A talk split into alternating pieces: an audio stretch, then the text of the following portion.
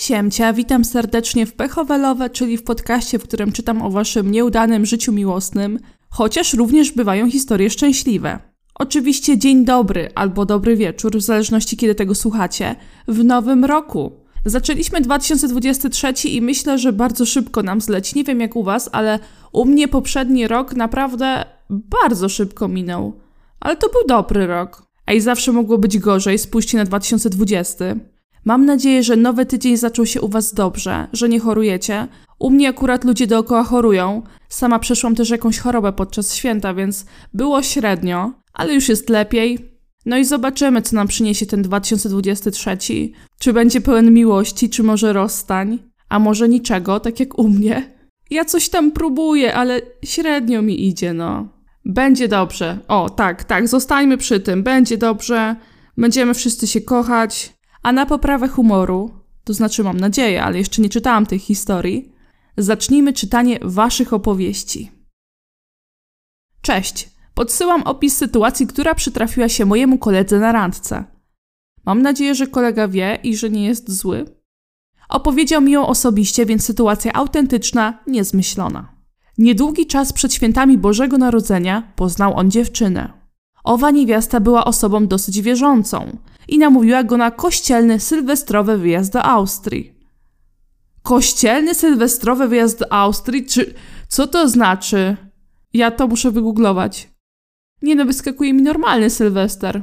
Ale to już na przyszły rok, możecie już rezerwować. I nie ma tutaj akurat słowa kościelny, ale tak z ciekawości powiem wam, jakie są ceny za sylwestra w Austrii. Patrząc od najtańszych, to za 175 zł możecie zwiedzić i bawić się w Sylwestra w Wiedniu. Spoko.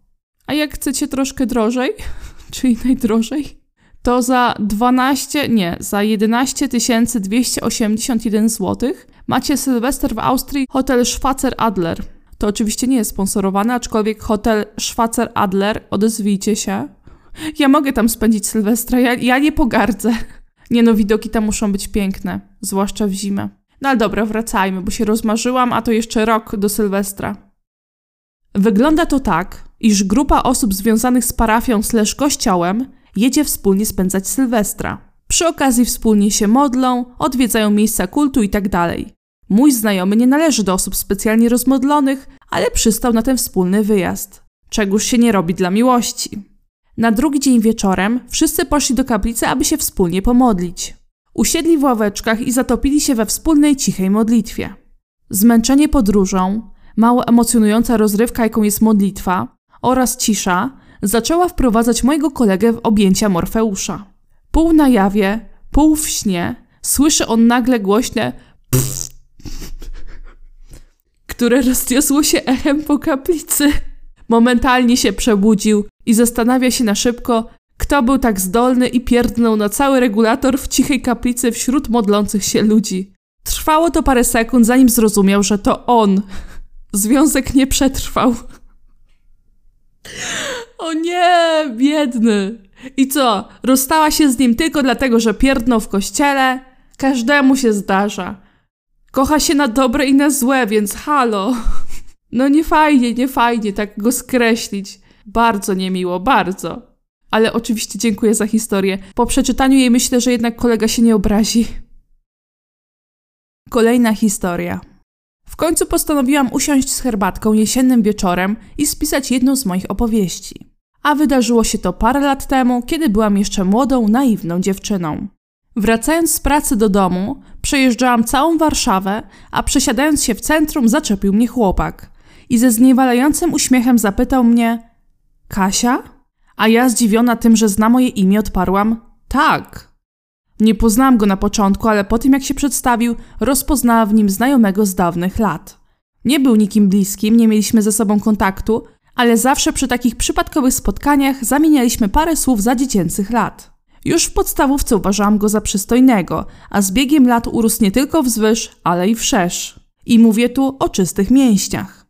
Jak tylko zaprosił mnie na kawę, wiedziałam, że odmowa nie wchodzi w grę. Wymieniliśmy się numerami, a potem spotykaliśmy się raz na jakiś czas na kawę i na jego suche dowcipy, które były dosyć urocze.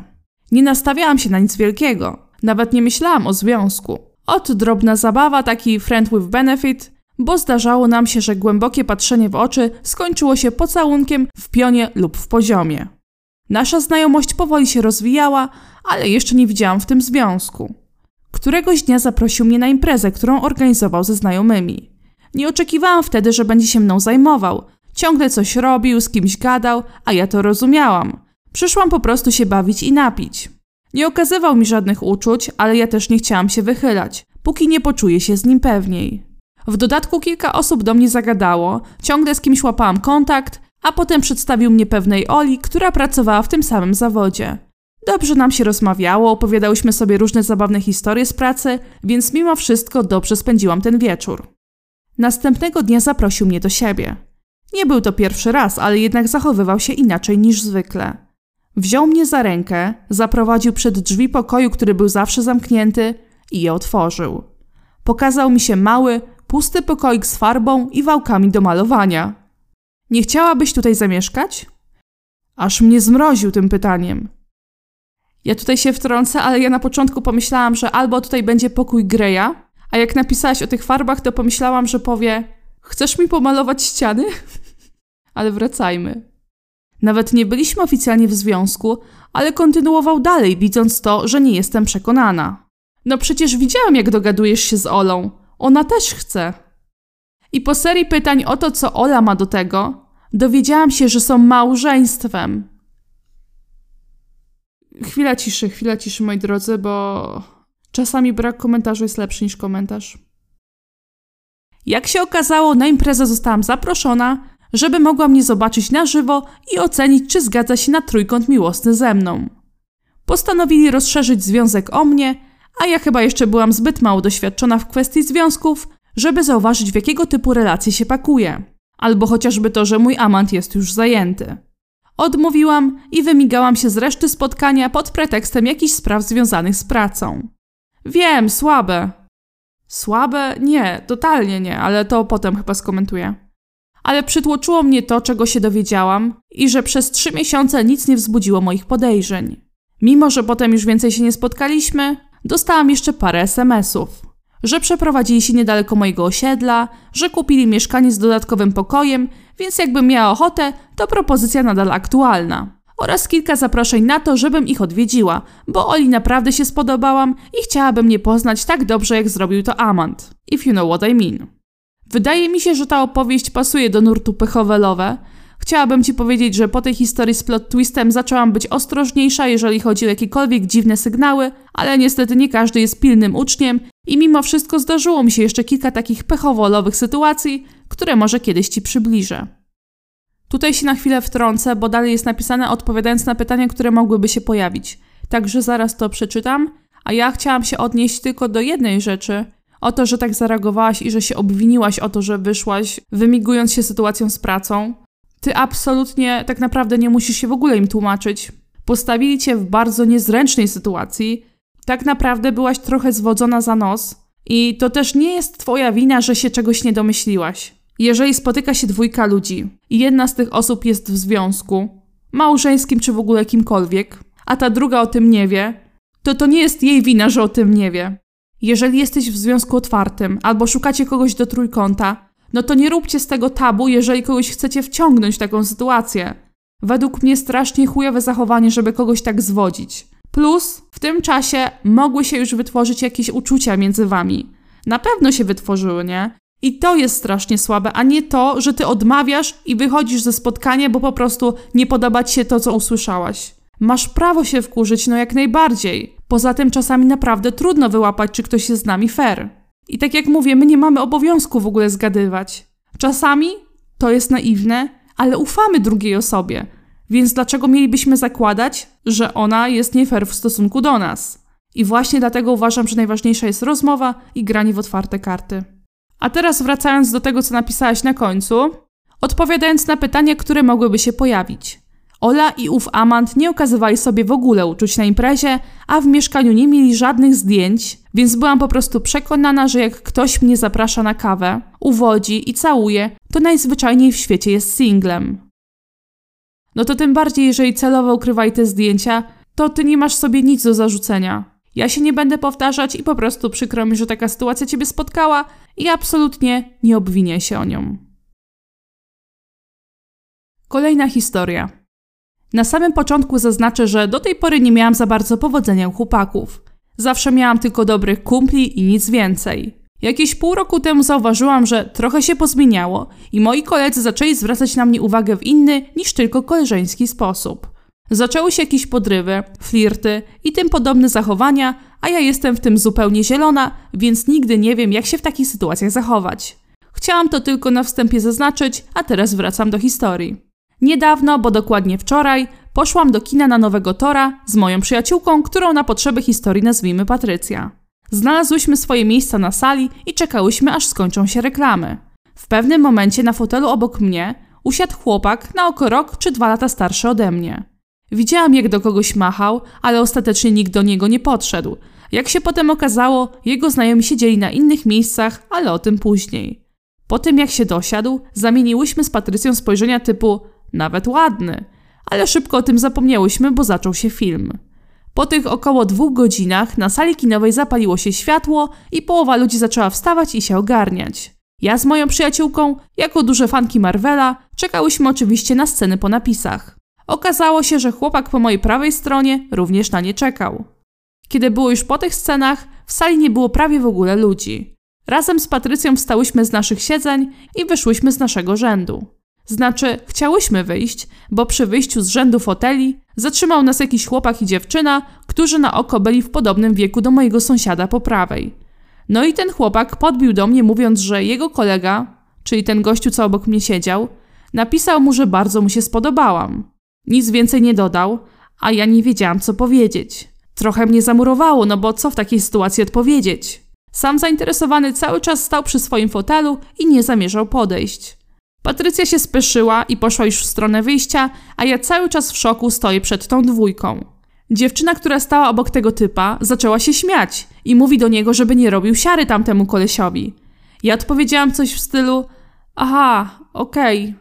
I uciekłam do wyjścia. Nie chciałam być chamska czy coś, ale ja po prostu nie wiedziałam, co w takiej sytuacji zrobić. Przypominam, że ja się na tym zupełnie nie znam. Nie spotkałam już potem tej trójki, ale jeśli jakimś cudem któreś z nich to słucha, to ja serio nie chciałam być niemiła, ale ta sytuacja była taka dziwna.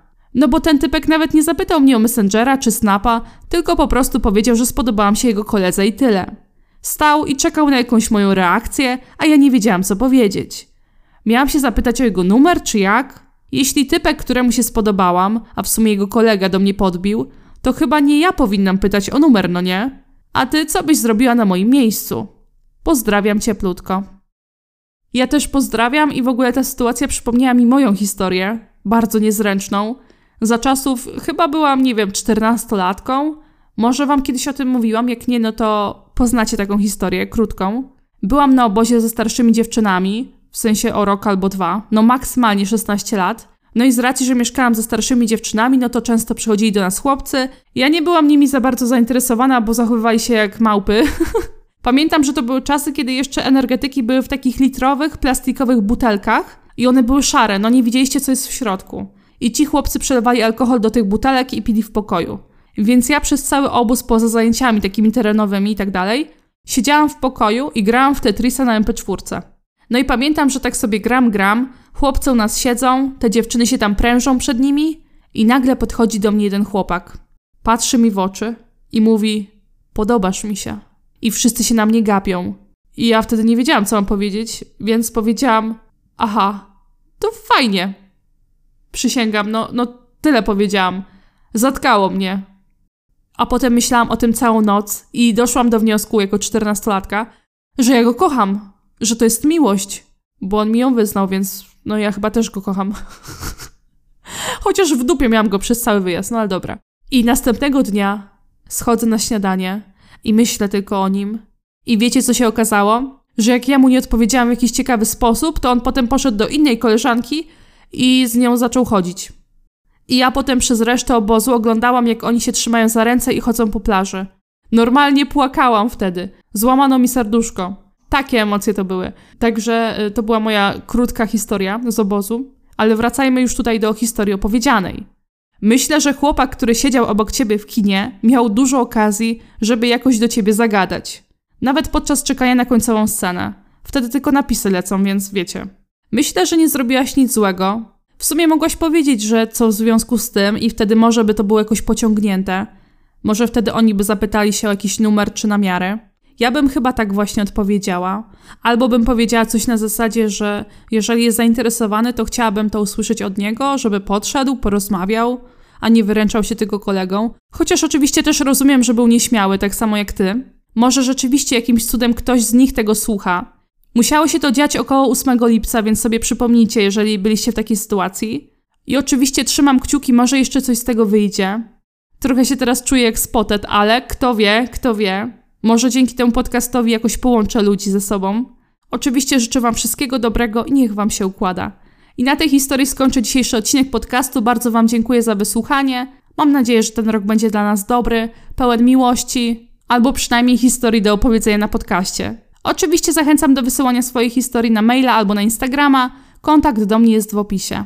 Ściskam Was ciepło, bez odbioru.